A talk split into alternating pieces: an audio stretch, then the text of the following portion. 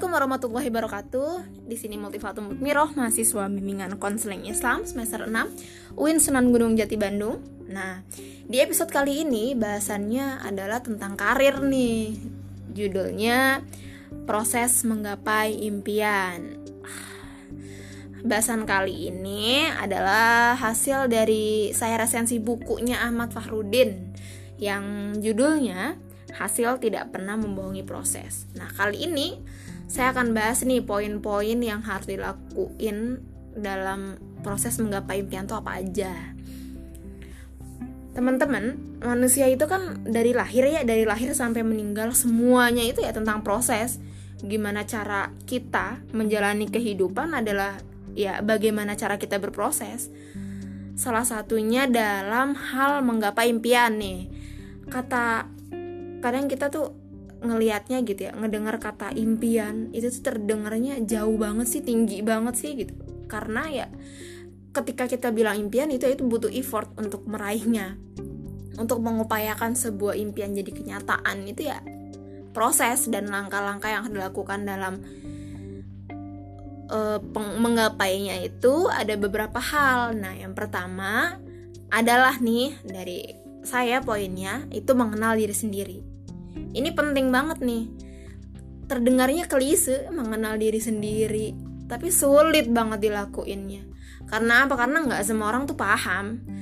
Mengenal diri sendiri itu maksudnya ya tentang mengenal kepribadian kita potensi kita minat bakat kelemahan. Supaya apa? Supaya kita tuh tahu batasan dari diri kita sendiri kapabilitas kita teh adanya di mana nih di bidang apa gitu. Nah poin yang kedua itu disiplin kayaknya kita semua tahu ya kalau disiplin itu is key of success.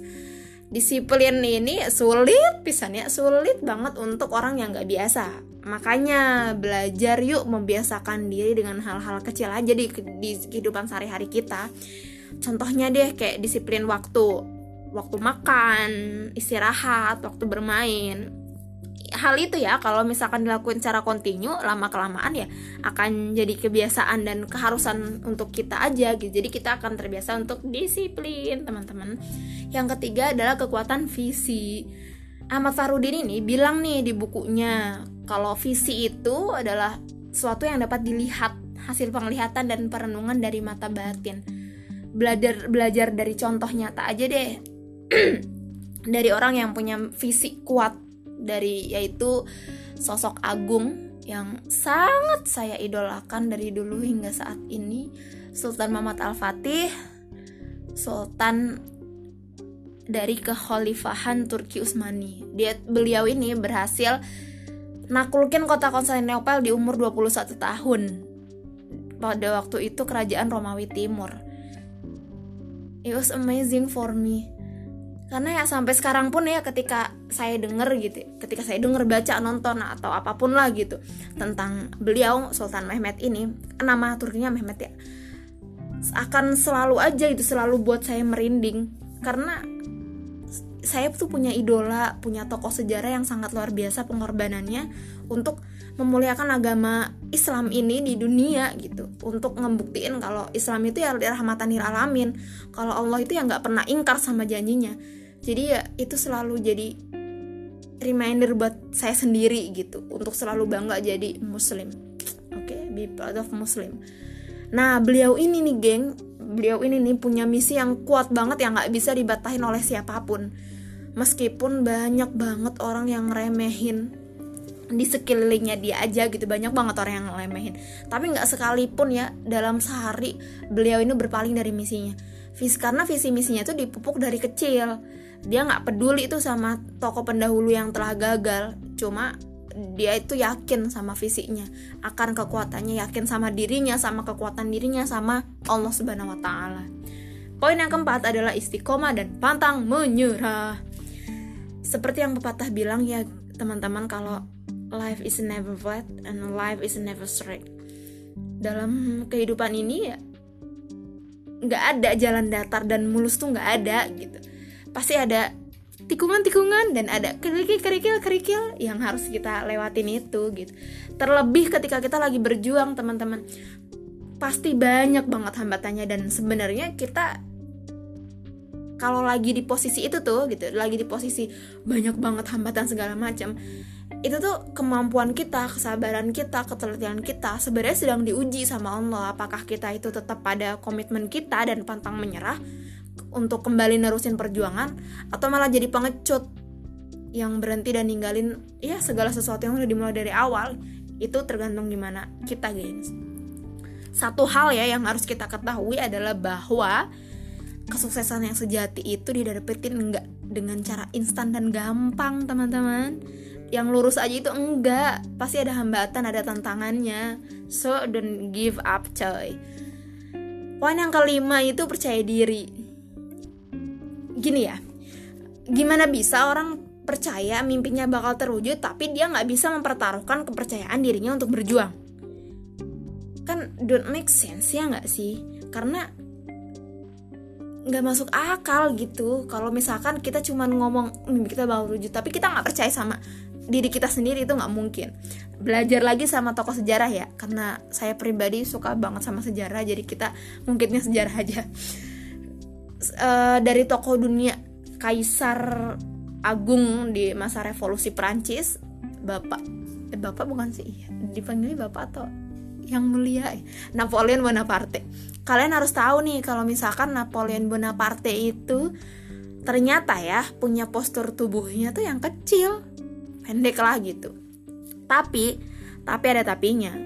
Selama hidupnya dikisahin ya dikisahin kalau beliau tuh nggak pernah sehari pun ngerasa lemah ngerasa kerdil lah ngerasa kurang ngerasa nggak pede di hadapan musuh-musuhnya tuh nggak pernah. Sebaliknya dia selalu bilang kalau misalnya kemampuannya iya kemampuannya dia itu ya lebih utama daripada fisiknya. Dia selalu mensugesti dirinya kalau dia itu adalah raksasa di antara semua musuhnya. Akhirnya gitu ya akhirnya dengan kepercayaan diri dia yang kokoh banget itu. Bisa dilihat hasilnya gitu.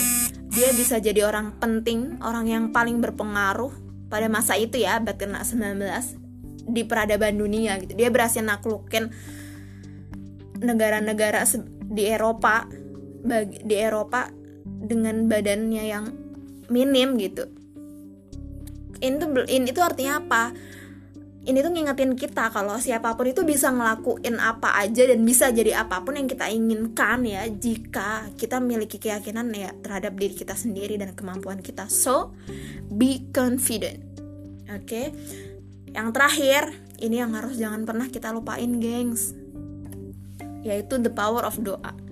Segala sesuatu ya semua aktivitas di hidup kita ini harusnya harusnya di awal dan diakhiri dengan doa jangan jadi sombong lah untuk sekedar berusaha keras mati-matian.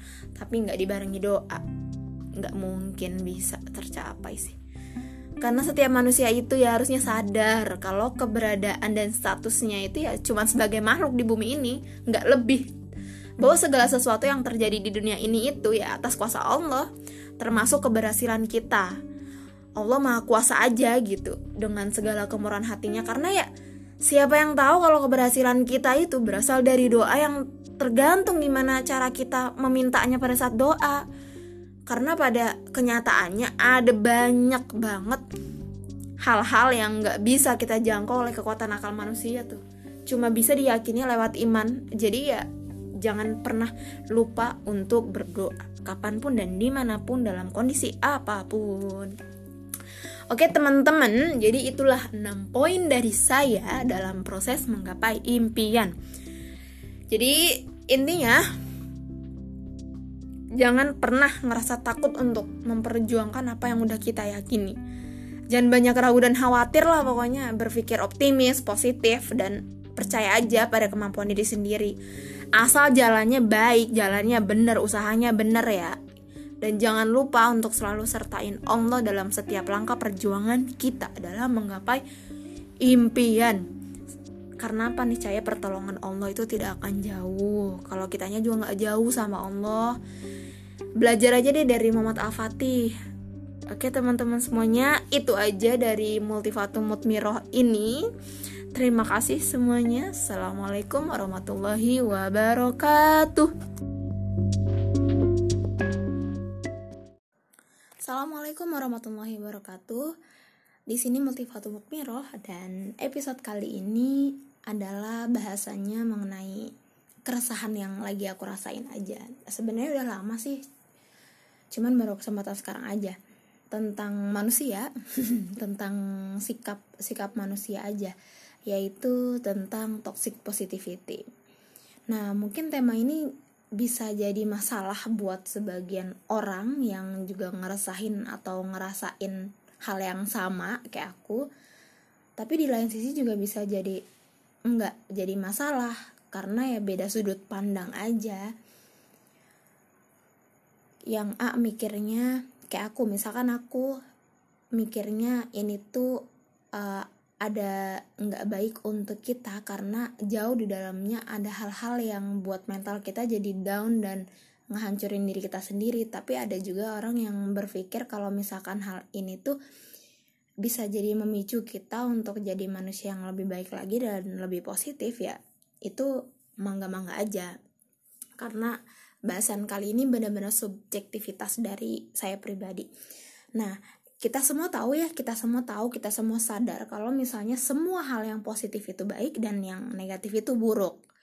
Tapi kadang kita juga gagal atau nggak tahu nih gimana cara ngegunain atau nempatin hal-hal positif atau hal-hal negatif itu di kehidupan kita di kondisi yang kayak gimana baiknya itu digunain.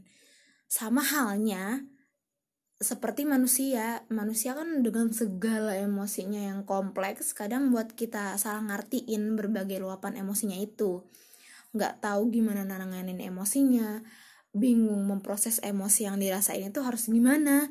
Karena setiap orang itu kan punya karakternya masing-masing. Sifat orang beda-beda dan kemampuan awareness orang juga nggak bisa disamaratain ya oleh karena itu kita juga sebagai manusia biasa gitu nggak diperkenankan kan untuk judging each other. Kita harus sadar kalau misalkan nggak semua hal itu harus ditanggepin sama hal, -hal positif gitu pun sebaliknya nggak semua hal bisa kita uh, tanggepin dengan hal-hal negatif. Karena apa? Karena semua tuh punya porsinya masing-masing tergantung situasi situasi dan kondisinya. Nah teman-teman toxic positivity ini termasuk dalam isu mental healthy. Dan karena ini lucunya nih karena isu kesehatan mental di Indonesia ini masih dianggap sepele masih sedikit banget ya orang yang uh, yang bersedia mengkampanyekan mengenai hal ini. Dan masyarakat pun banyak banget yang enggan masa bodoh lah mengenai pembahasan ini karena bagi mereka juga ini tuh asing dan nggak penting juga gitu. Toh saya sehat gitu. Padahal ya pada kenyataannya yang dimaksud unsur sehat sebenarnya itu kan nggak cuma fisik tapi juga mental. Orang yang mentalnya sehat itu bisa banget ngendaliin tubuhnya untuk berkembang jadi pribadi yang lebih baik lagi yang diinginkan oleh dirinya sendiri. Contoh deh, kayak misalkan ya, kalau tubuh kita lagi sakit, tapi pikiran kita tetap sehat nih, nggak banyak pikiran, tetap optimis, nggak stres, itu bisa pengaruh jadi diri kita tuh tubuh kita jadi sembuh. Tapi sebaliknya, kalau misalkan gitu, tubuh kita yang sehat nih lagi sehat-sehatnya buger aja gitu nggak sakit nggak apa-apa. Tapi pikiran kita lagi nggak sehat lagi pesimis lah banyak pikiran terlalu parno sama keadaan stres khawatir nggak jelas itu bisa nyebabin psikosomatis. Jatuhnya tuh nanti lama-lama tubuh kita jadi ikut sakit yang tadinya men karena apa? Karena mental tuh ngaruhin tubuh mempengaruhi kondisi tubuh seseorang. Kita kita nih semuanya teman-teman. Hidup di masyarakat yang komunal ya. Penilaian sosial itu jadi punya posisi tinggi untuk arus hidup kita ke depannya kayak gimana yang akhirnya kita hidup dengan stereotip society yang nggak realistis aja gitu. Bahwa manusia tuh harus banget selalu berpikir positif apa pun yang terjadi. Nggak boleh tuh kita sedih tuh nggak boleh. Kita tuh harus bahagia ceria kuat lah baik semangat dan lain sebagainya. Nggak pernah ada yang bolehin untuk punya emosi yang negatif. Padahal ya padahal. Pada kenyataannya kan manusia itu bisa dewasa dan berkembang itu dengan masalah dengan cara ngelaluin masalah. Dan nggak semua orang tuh mampu ngatasin masalah dengan baik. Baik itu dari emosi maupun tindakannya. Contoh ya kalau contoh kalau misalkan kita ngeliat nih ngeliat atau nemuin kasus orang yang depresi itu di lingkungan kita orang-orang tuh udah langsung dapet kritikan tuh. Langsung ngeritik lah langsung ngebully ngatain gila. Bahkan sampai dikucilin pasti sih di lingkungannya. Kenapa? Karena kita nganggepnya orang yang depresi itu adalah orang gila nggak waras yang nggak bisa ngendaliin hidupnya. Yang jauh banget dari ekspektasi dan standar sosial yang ada pun itu terjadi ketika adanya misalkan fatalnya ya kayak kasus bunuh diri karena depresi. Uh langsung aja tuh masyarakat jadi ngasih argumen yang enggak enggak lah. Ngomentarin hidupnya ngatain dia nggak beriman lah. Padahal ya teman-teman sebenarnya eh, dengan adanya kasus bunuh diri aja gitu itu baik eh, di sosial media kita lihat atau di langsung di lingkungan kita ya. Harusnya itu tuh udah bisa buat kita sebagai masyarakat lebih aware dan saling peduli satu sama lain aja gitu. Coba untuk memahami beban yang dia berat beban yang dia pikul teh seberat apa sampai dia tuh harus memutuskan untuk mengakhiri hidupnya. Harusnya kita bisa lebih berempati bukan malah judging dan mengucilkan korban. Tapi ya salahnya masyarakat kita masih ngebiasain untuk terbelenggu sama toxic positivity ini sih. Yang nggak pernah uh, kita sadari itu adalah ya uh, berpikir positif atau punya pikiran positif itu nggak sederhana pengucapannya nggak segampang dan semudah itu. Dan nggak selamanya hal-hal atau kata-kata lah ya kata-kata positif itu jadi baik untuk dilakukan. Malah kadang-kadang kata-kata positif juga bisa jadi racun dalam situasi dan kondisi tertentu. Misalnya ya ini uh, sering banget. Ini tuh bisa jadi sebelum aku punya pemikiran ini mungkin aku juga sering ngasih hal-hal toxic positivity ke teman-teman aku. Kayak misalkan gitu kita lagi cerita masalah kita ke temen gitu. Sering banget dengan gampangnya mereka atau kita nih yang jadi pendengar nanggepinnya dengan kata-kata yang bener-bener nggak realistis aja kayak yang sabar ya. Ya udahlah ya nggak apa-apa nanti juga lupa. Kamu harus tetap bahagia pokoknya. Kamu itu nggak boleh sedih kamu harus tetap semangat. Kamu pasti bisa nyelesain masalah ini dengan baik. Good vibes aja.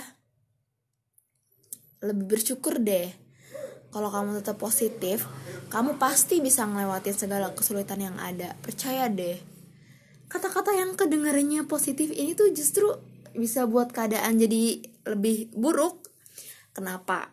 Ya karena hal itu kata-kata itu yang positif itu seolah-olah nutupin kenyataan kalau emang sebenarnya kadang-kadang hidup tuh emang berat dan sulit. Kita nggak bisa bohong karena itu kan? Semua orang tuh pasti ngalamin masa-masa itu.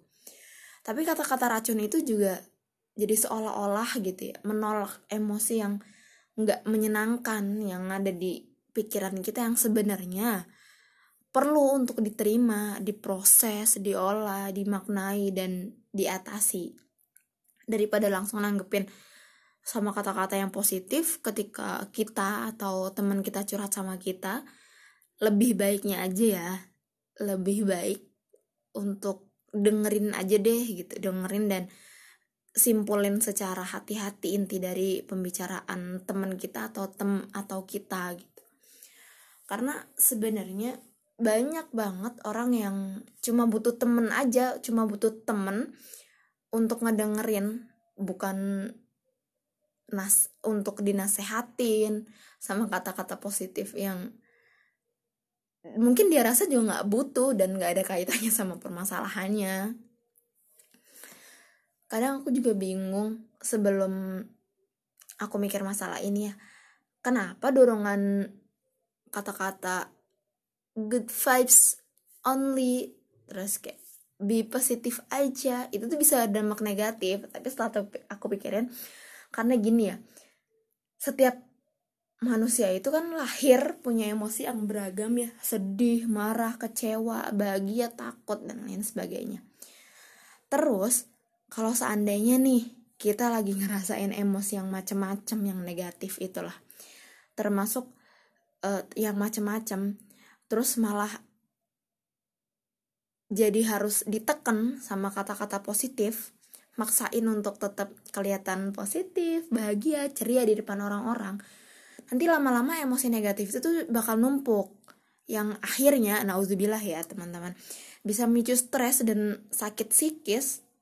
Yang sakit psikis tadi aku bilang sakit psikis bisa nyebabin sakit fisik juga alias psikosomatis ya yang paling penting adalah bahwa masalah kita itu nggak akan selesai hanya dengan semua ucapan itu. Bener nggak sih? Menurut menurut aku sih gitu ya. Bahkan bisa jadi makin parah karena tiap kali kita ngadepin masalah semua emosi negatif yang ada di pras yang sedang kita rasain itu kita kubur dalam-dalam. Karena katanya kita harus positif terus. Yang padahal itu kok nggak baik numpuk emosi-emosi negatif nanti bakal meledak lama-lama dan bakal jadinya dampak buruk terhadap mental kita. Bisa jadi depresi gara-gara emosi-emosi yang ketumpuk itu. Yang apa ya yang harus semua orang pahami adalah bahwa manusia itu kan perlu ngerasain beragam emosi termasuk kayak sakit, marah, sedih, kecewa, bahagia, bangga dan lain sebagainya lah. Ya. Nggak perlu ngerasa buruk, itu normal aja karena kita semua manusia biasa yang dalam hidup tuh ya pasti akan ada masalah dan kita butuh emosi itu butuh emosi yang beragam itu untuk belajar untuk diri sendiri gimana caranya nanganin segala emosi yang ada itu gimana yang kita harus sadarin ya kalau manusia itu kan kompleks ya emosinya banyak banget malah dengan kita jujur sama diri kita sendiri aja jujur terhadap rasa marah kecewa sedih takut itu akan buat kita jadi lebih terbuka, lebih tahu caranya untuk ngerespon perasaan-perasaan pada keadaan kita yang seperti itu, kondisi yang seperti itu. Kadang e, kita juga jadi lebih tahu bantuan apa nih yang lebih kita butuhin untuk nolong keadaan kita pada saat emosi-emosi itu tuh datang. Yang akhirnya e, kita jadi lebih aware dan care terhadap diri sendiri nggak papa nggak papa untuk nggak apa-apa kalau misalkan pada kenyataannya kita lagi nggak baik-baik aja sama emosi kita cuman ya kita hanya perlu jujur terbuka pada diri sendiri dan jangan pernah maksain kehendak aja. Udah kayaknya segitu aja untuk episode kali ini. Semoga bisa jadi bahan mikir untuk yang ngedengerin dan bisa nilai dari banyaknya sudut pandang kamu mau jadi di pihak yang sepakat ini teh masalah atau di pihak yang ini tuh bukan masalah jadi ini tuh malah sugesti untuk kita jadi yang lebih baik mangga aja. Itu semua tergantung pilihan dan sudut pandang orang aja. Semoga kita semua jadi lebih sering mikir untuk hal-hal yang perlu dipikirin yang nggak perlu nggak usah deh ya kasihan otak kita. Sekian di sini motivator Miro. Assalamualaikum warahmatullahi wabarakatuh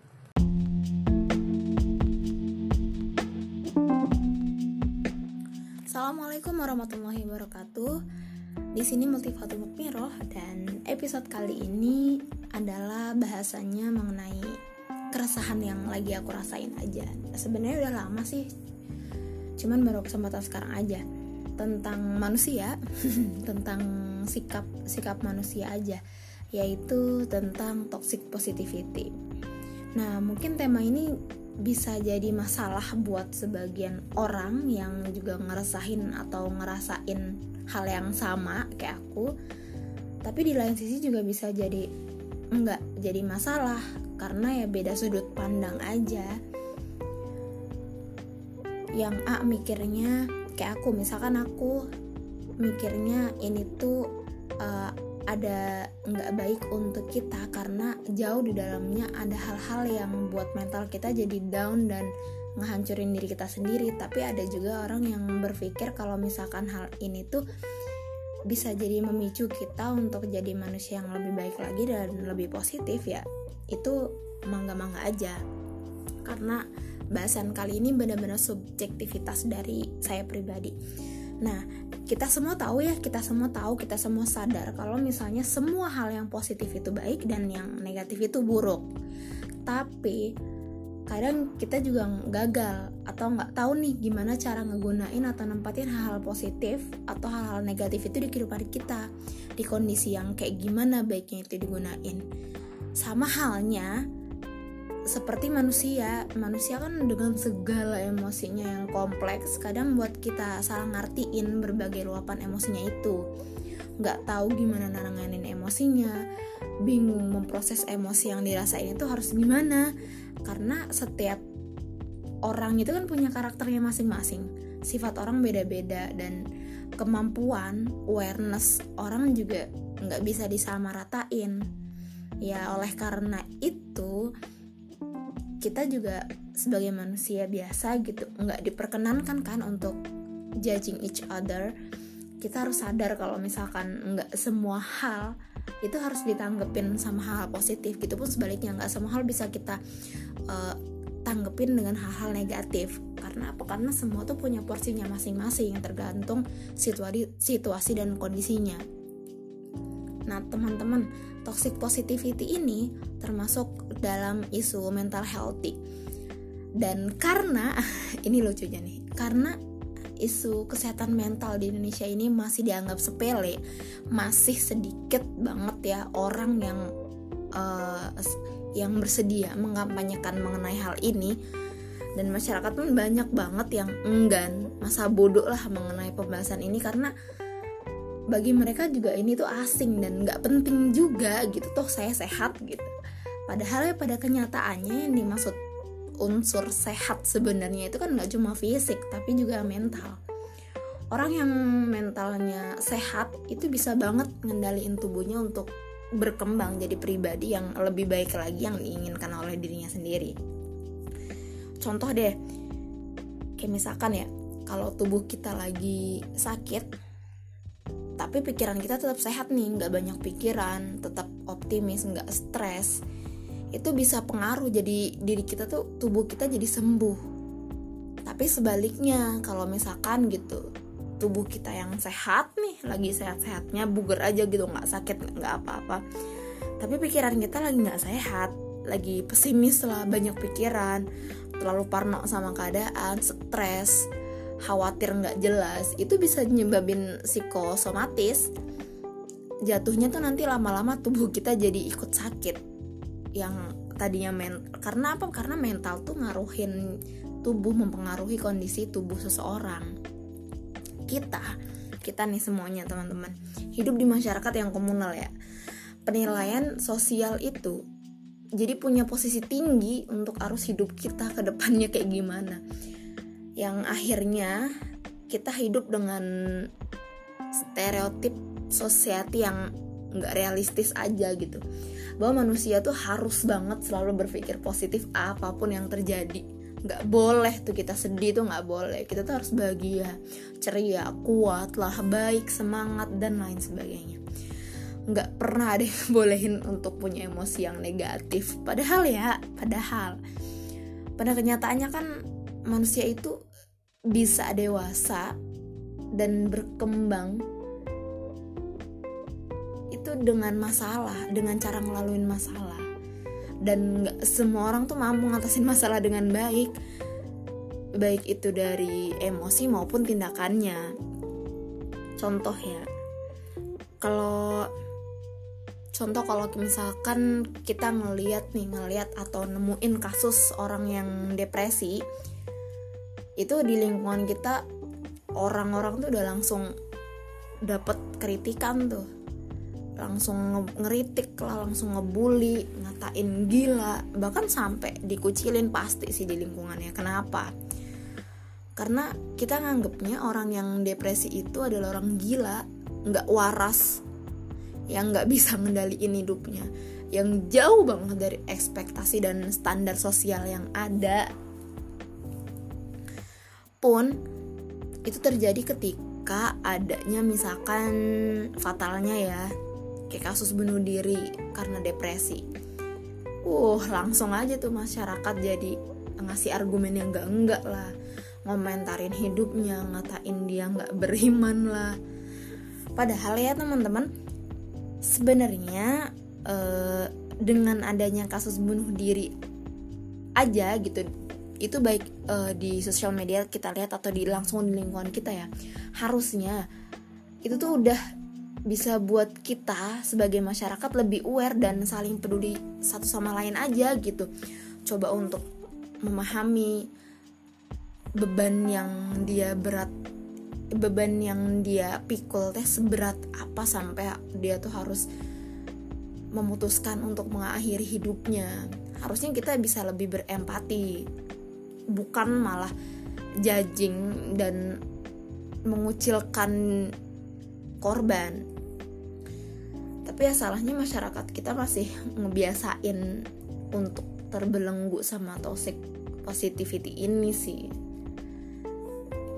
Yang nggak pernah uh, kita sadari itu adalah ya uh, berpikir positif atau punya pikiran positif itu nggak sederhana pengucapannya nggak segampang dan semudah itu dan nggak selamanya hal-hal atau kata-kata lah ya kata-kata positif itu jadi baik untuk dilakukan malah kadang-kadang kata-kata positif juga bisa jadi racun dalam situasi dan kondisi tertentu. Misalnya ya, ini uh, sering banget ini tuh bisa jadi sebelum aku punya pemikiran ini, mungkin aku juga sering ngasih hal-hal toxic positivity ke teman-teman aku. Kayak misalkan gitu, kita lagi cerita masalah kita ke temen gitu. Sering banget dengan gampangnya mereka atau kita nih yang jadi pendengar nanggepinnya dengan kata-kata yang bener-bener nggak realistis aja kayak yang sabar ya. Ya udahlah ya nggak apa-apa nanti juga lupa. Kamu harus tetap bahagia pokoknya. Kamu itu nggak boleh sedih kamu harus tetap semangat. Kamu pasti bisa nyelesain masalah ini dengan baik. Good vibes aja. Lebih bersyukur deh. Kalau kamu tetap positif kamu pasti bisa ngelewatin segala kesulitan yang ada. Percaya deh. Kata-kata yang kedengarannya positif ini tuh justru bisa buat keadaan jadi lebih buruk. Kenapa? Ya karena hal itu kata-kata itu yang positif itu seolah-olah nutupin kenyataan kalau emang sebenarnya kadang-kadang hidup tuh emang berat dan sulit. Kita nggak bisa bohong karena itu kan? Semua orang tuh pasti ngalamin masa-masa itu. Tapi kata-kata racun itu juga jadi seolah-olah gitu ya menolak emosi yang nggak menyenangkan yang ada di pikiran kita yang sebenarnya perlu untuk diterima, diproses, diolah, dimaknai dan diatasi. Daripada langsung nanggepin sama kata-kata yang positif ketika kita atau teman kita curhat sama kita lebih baiknya aja ya.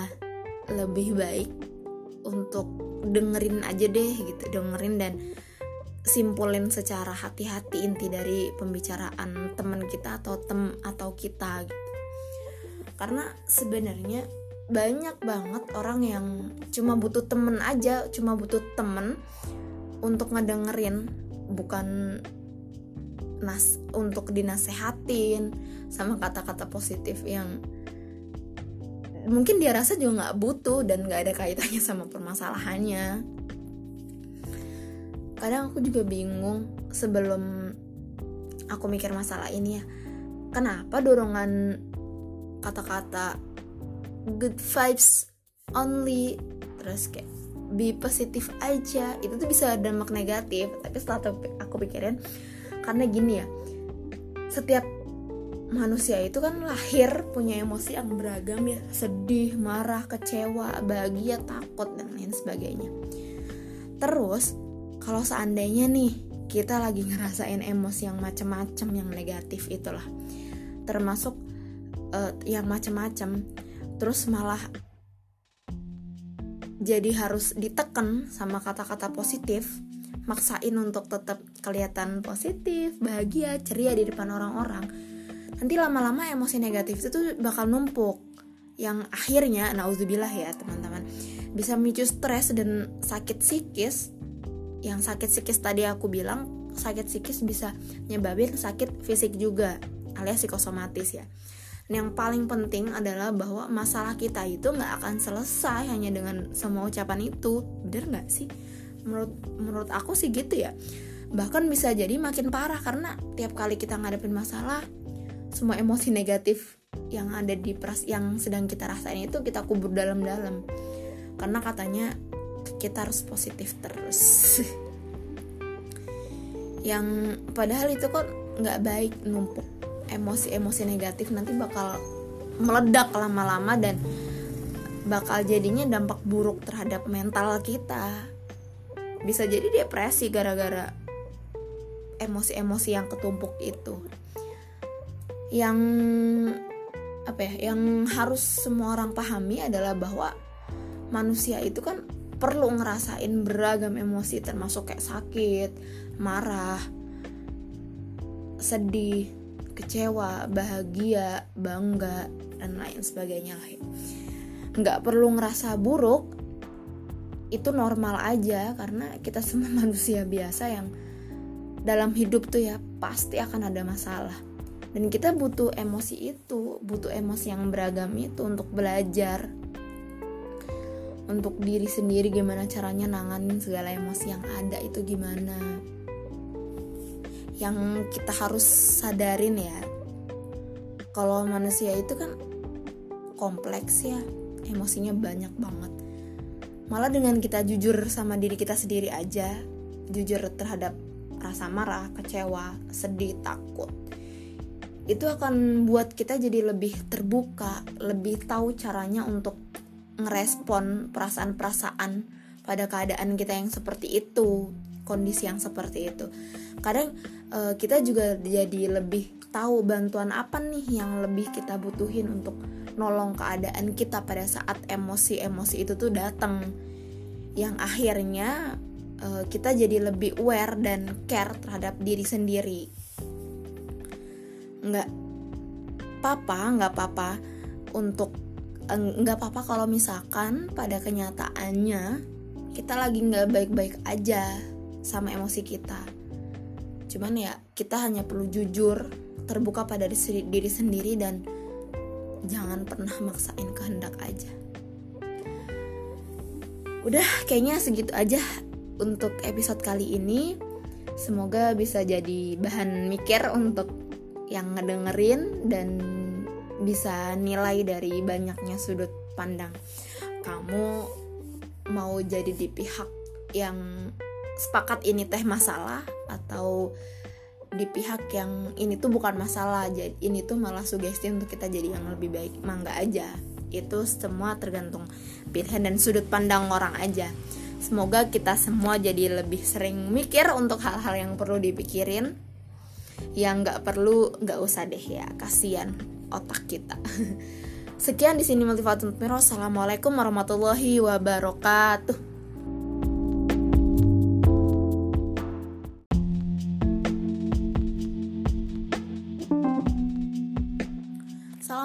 warahmatullahi wabarakatuh. Di sini Multifatul Mukmiroh dan episode kali ini adalah bahasanya mengenai keresahan yang lagi aku rasain aja. Sebenarnya udah lama sih cuman baru kesempatan sekarang aja. Tentang manusia tentang sikap sikap manusia aja yaitu tentang toxic positivity.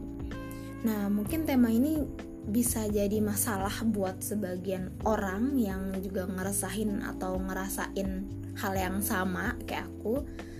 Tapi di lain sisi juga bisa jadi enggak jadi masalah karena ya beda sudut pandang aja.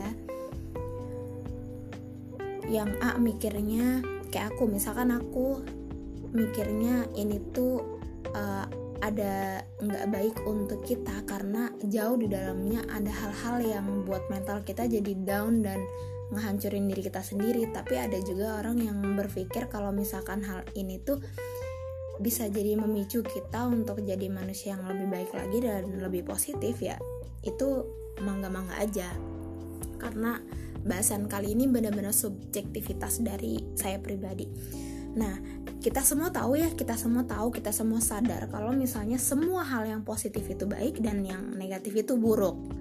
Tapi kadang kita juga gagal atau nggak tahu nih gimana cara ngegunain atau nempatin hal-hal positif atau hal-hal negatif itu di kehidupan kita di kondisi yang kayak gimana baiknya itu digunain. Sama halnya seperti manusia. Manusia kan dengan segala emosinya yang kompleks kadang buat kita salah ngertiin berbagai luapan emosinya itu. Nggak tahu gimana nanganin emosinya bingung memproses emosi yang dirasain itu harus gimana. Karena setiap orang itu kan punya karakternya masing-masing sifat orang beda-beda dan kemampuan awareness orang juga nggak bisa disamaratain ya oleh karena itu kita juga sebagai manusia biasa gitu nggak diperkenankan kan untuk judging each other. Kita harus sadar kalau misalkan nggak semua hal itu harus ditanggepin sama hal, positif gitu pun sebaliknya nggak semua hal bisa kita uh, tanggepin dengan hal-hal negatif. Karena apa? Karena semua tuh punya porsinya masing-masing tergantung situasi situasi dan kondisinya. Nah teman-teman toxic positivity ini termasuk dalam isu mental healthy. Dan karena ini lucunya nih karena isu kesehatan mental di Indonesia ini masih dianggap sepele masih sedikit banget ya orang yang uh, yang bersedia mengampanyekan mengenai hal ini. Dan masyarakat pun banyak banget yang enggan masa bodoh lah mengenai pembahasan ini karena bagi mereka juga ini tuh asing dan nggak penting juga gitu. Toh saya sehat gitu. Padahal ya pada kenyataannya yang dimaksud unsur sehat sebenarnya itu kan nggak cuma fisik tapi juga mental.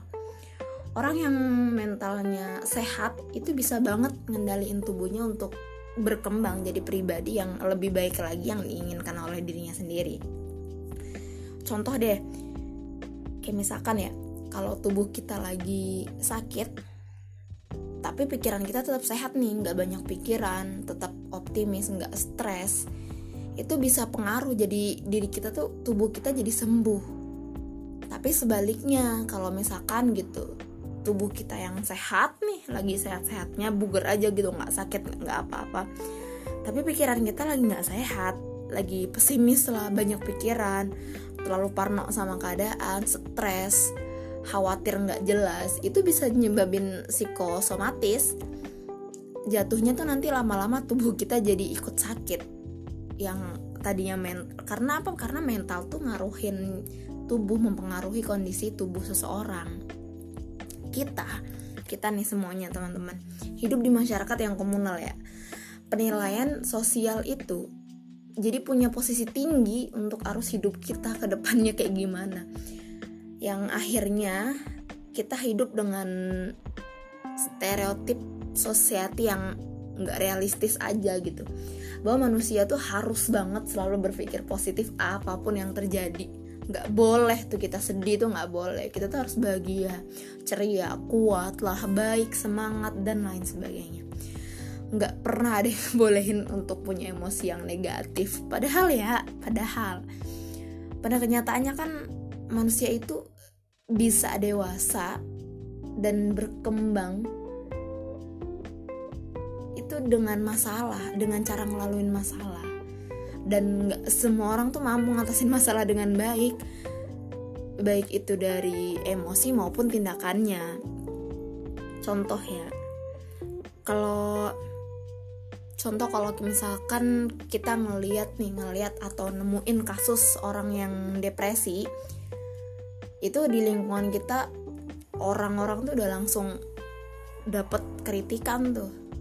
Langsung ngeritik lah langsung ngebully ngatain gila. Bahkan sampai dikucilin pasti sih di lingkungannya. Kenapa? Karena kita nganggepnya orang yang depresi itu adalah orang gila nggak waras yang nggak bisa ngendaliin hidupnya. Yang jauh banget dari ekspektasi dan standar sosial yang ada pun itu terjadi ketika adanya misalkan fatalnya ya kayak kasus bunuh diri karena depresi. Uh langsung aja tuh masyarakat jadi ngasih argumen yang enggak enggak lah. Ngomentarin hidupnya ngatain dia nggak beriman lah. Padahal ya teman-teman sebenarnya uh, dengan adanya kasus bunuh diri aja gitu itu baik uh, di sosial media kita lihat atau di langsung di lingkungan kita ya. Harusnya itu tuh udah bisa buat kita sebagai masyarakat lebih aware dan saling peduli satu sama lain aja gitu. Coba untuk memahami beban yang dia berat beban yang dia pikul teh seberat apa sampai dia tuh harus memutuskan untuk mengakhiri hidupnya. Harusnya kita bisa lebih berempati bukan malah judging dan mengucilkan korban. Tapi ya salahnya masyarakat kita masih ngebiasain untuk terbelenggu sama toxic positivity ini sih. Yang nggak pernah uh, kita sadari itu adalah ya uh, berpikir positif atau punya pikiran positif itu nggak sederhana pengucapannya nggak segampang dan semudah itu dan nggak selamanya hal-hal atau kata-kata lah ya kata-kata positif itu jadi baik untuk dilakukan malah kadang-kadang kata-kata positif juga bisa jadi racun dalam situasi dan kondisi tertentu. Misalnya ya, ini sering banget ini tuh bisa jadi sebelum aku punya pemikiran ini, mungkin aku juga sering ngasih hal-hal toxic positivity ke teman-teman aku. Kayak misalkan gitu, kita lagi cerita masalah kita ke temen gitu. Sering banget dengan gampangnya mereka atau kita nih yang jadi pendengar nanggepinnya dengan kata-kata yang bener-bener nggak realistis aja kayak yang sabar ya. Ya udahlah yang nggak apa-apa nanti juga lupa. Kamu harus tetap bahagia pokoknya. Kamu itu nggak boleh sedih kamu harus tetap semangat. Kamu pasti bisa nyelesain masalah ini dengan baik. Good vibes aja. Lebih bersyukur deh. Kalau kamu tetap positif kamu pasti bisa ngelewatin segala kesulitan yang ada. Percaya deh. Kata-kata yang kedengarannya positif ini tuh justru bisa buat keadaan jadi lebih buruk. Kenapa? Ya karena hal itu kata-kata itu yang positif itu seolah-olah nutupin kenyataan kalau emang sebenarnya kadang-kadang hidup tuh emang berat dan sulit. Kita nggak bisa bohong karena itu kan? Semua orang tuh pasti ngalamin masa-masa itu. Tapi kata-kata racun itu juga jadi seolah-olah gitu ya menolak emosi yang nggak menyenangkan yang ada di pikiran kita yang sebenarnya perlu untuk diterima, diproses, diolah, dimaknai dan diatasi. Daripada langsung nanggepin sama kata-kata yang positif ketika kita atau teman kita curhat sama kita lebih baiknya aja ya. Lebih baik untuk dengerin aja deh gitu dengerin dan simpulin secara hati-hati inti dari pembicaraan teman kita atau tem atau kita gitu karena sebenarnya banyak banget orang yang cuma butuh temen aja cuma butuh temen untuk ngedengerin bukan nas untuk dinasehatin sama kata-kata positif yang mungkin dia rasa juga nggak butuh dan nggak ada kaitannya sama permasalahannya. Kadang aku juga bingung sebelum aku mikir masalah ini ya. Kenapa dorongan kata-kata good vibes only terus kayak be positif aja. Itu tuh bisa dampak negatif tapi setelah aku pikirin karena gini ya setiap manusia itu kan lahir punya emosi yang beragam ya. Sedih marah kecewa bahagia takut dan lain sebagainya. Terus kalau seandainya nih kita lagi ngerasain emosi yang macem-macem yang negatif itulah. Termasuk uh, yang macem-macem. Terus malah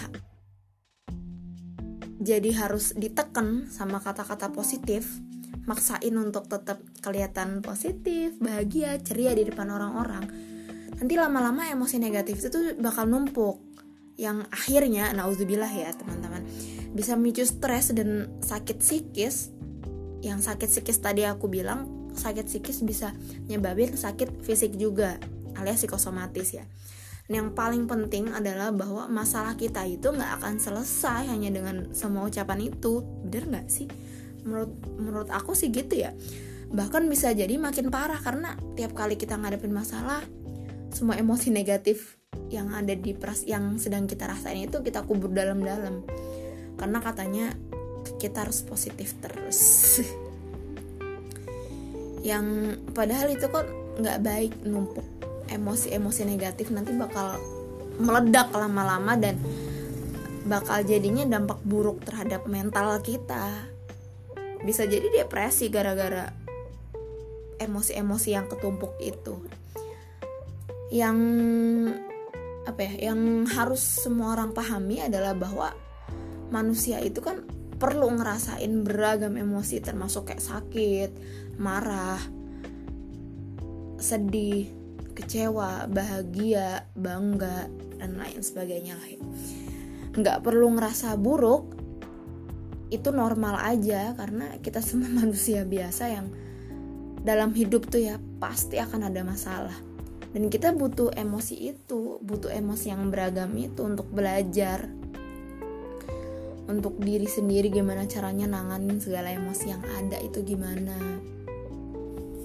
yang kita harus sadarin ya kalau manusia itu kan kompleks ya emosinya banyak banget malah dengan kita jujur sama diri kita sendiri aja jujur terhadap rasa marah, kecewa, sedih, takut itu akan buat kita jadi lebih terbuka, lebih tahu caranya untuk ngerespon perasaan-perasaan pada keadaan kita yang seperti itu, kondisi yang seperti itu. Kadang uh, kita juga jadi lebih tahu bantuan apa nih yang lebih kita butuhin untuk nolong keadaan kita pada saat emosi-emosi itu tuh datang. Yang akhirnya uh, kita jadi lebih aware dan care terhadap diri sendiri nggak papa nggak papa untuk nggak apa-apa kalau misalkan pada kenyataannya kita lagi nggak baik-baik aja sama emosi kita cuman ya kita hanya perlu jujur terbuka pada diri sendiri dan jangan pernah maksain kehendak aja. Udah kayaknya segitu aja untuk episode kali ini. Semoga bisa jadi bahan mikir untuk yang ngedengerin dan bisa nilai dari banyaknya sudut pandang kamu mau jadi di pihak yang sepakat ini teh masalah atau di pihak yang ini tuh bukan masalah jadi ini tuh malah sugesti untuk kita jadi yang lebih baik. Mangga aja. Itu semua tergantung pilihan dan sudut pandang orang aja. Semoga kita semua jadi lebih sering mikir untuk hal-hal yang perlu dipikirin. Yang nggak perlu nggak usah deh ya. Kasihan otak kita. Sekian di sini motivator Miro. Assalamualaikum warahmatullahi wabarakatuh